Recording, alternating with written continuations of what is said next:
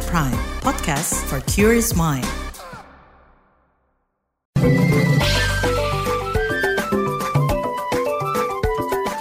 WhatsApp Indonesia.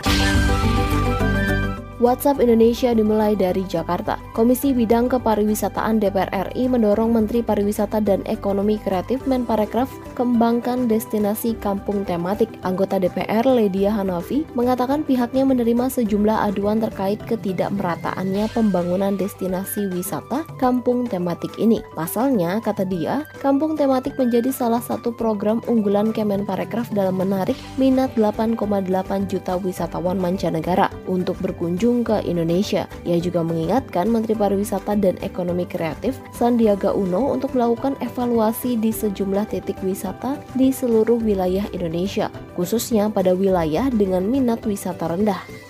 Selanjutnya menuju Banten. Merespon permintaan dari masyarakat Baduy, Kementerian Komunikasi dan Informatika Kemenkominfo mengatakan masih menunggu surat resmi dari pemerintah Kabupaten Lebak. Sebelumnya, warga Baduy menyatakan permintaan untuk menghapus sinyal internet dari wilayahnya. Melansir CNN, Direktur Jenderal Informasi dan Komunikasi Publik IKP Kominfo Usman Kasong mengklaim menghargai dan menampung permintaan tersebut. Tapi soal keputusan lebih lanjut dirinya masih menunggu pernyataan resmi dari pemerintah Kabupaten Lebak. Menurutnya, permintaan ini sebagai bagian dari menjaga budaya dan tidak menerima adanya modernisasi. Kata Usman, permintaan ini datang dari warga Baduy dalam, bukan dari Baduy luar.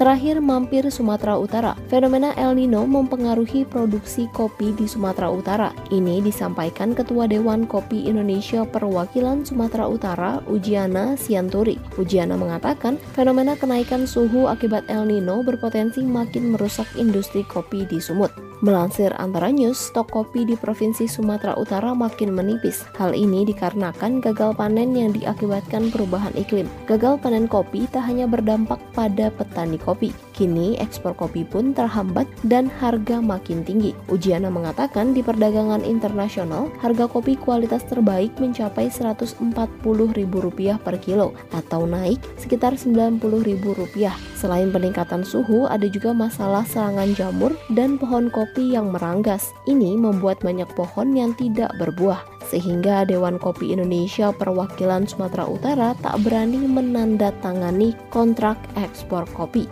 Demikian WhatsApp Indonesia hari ini.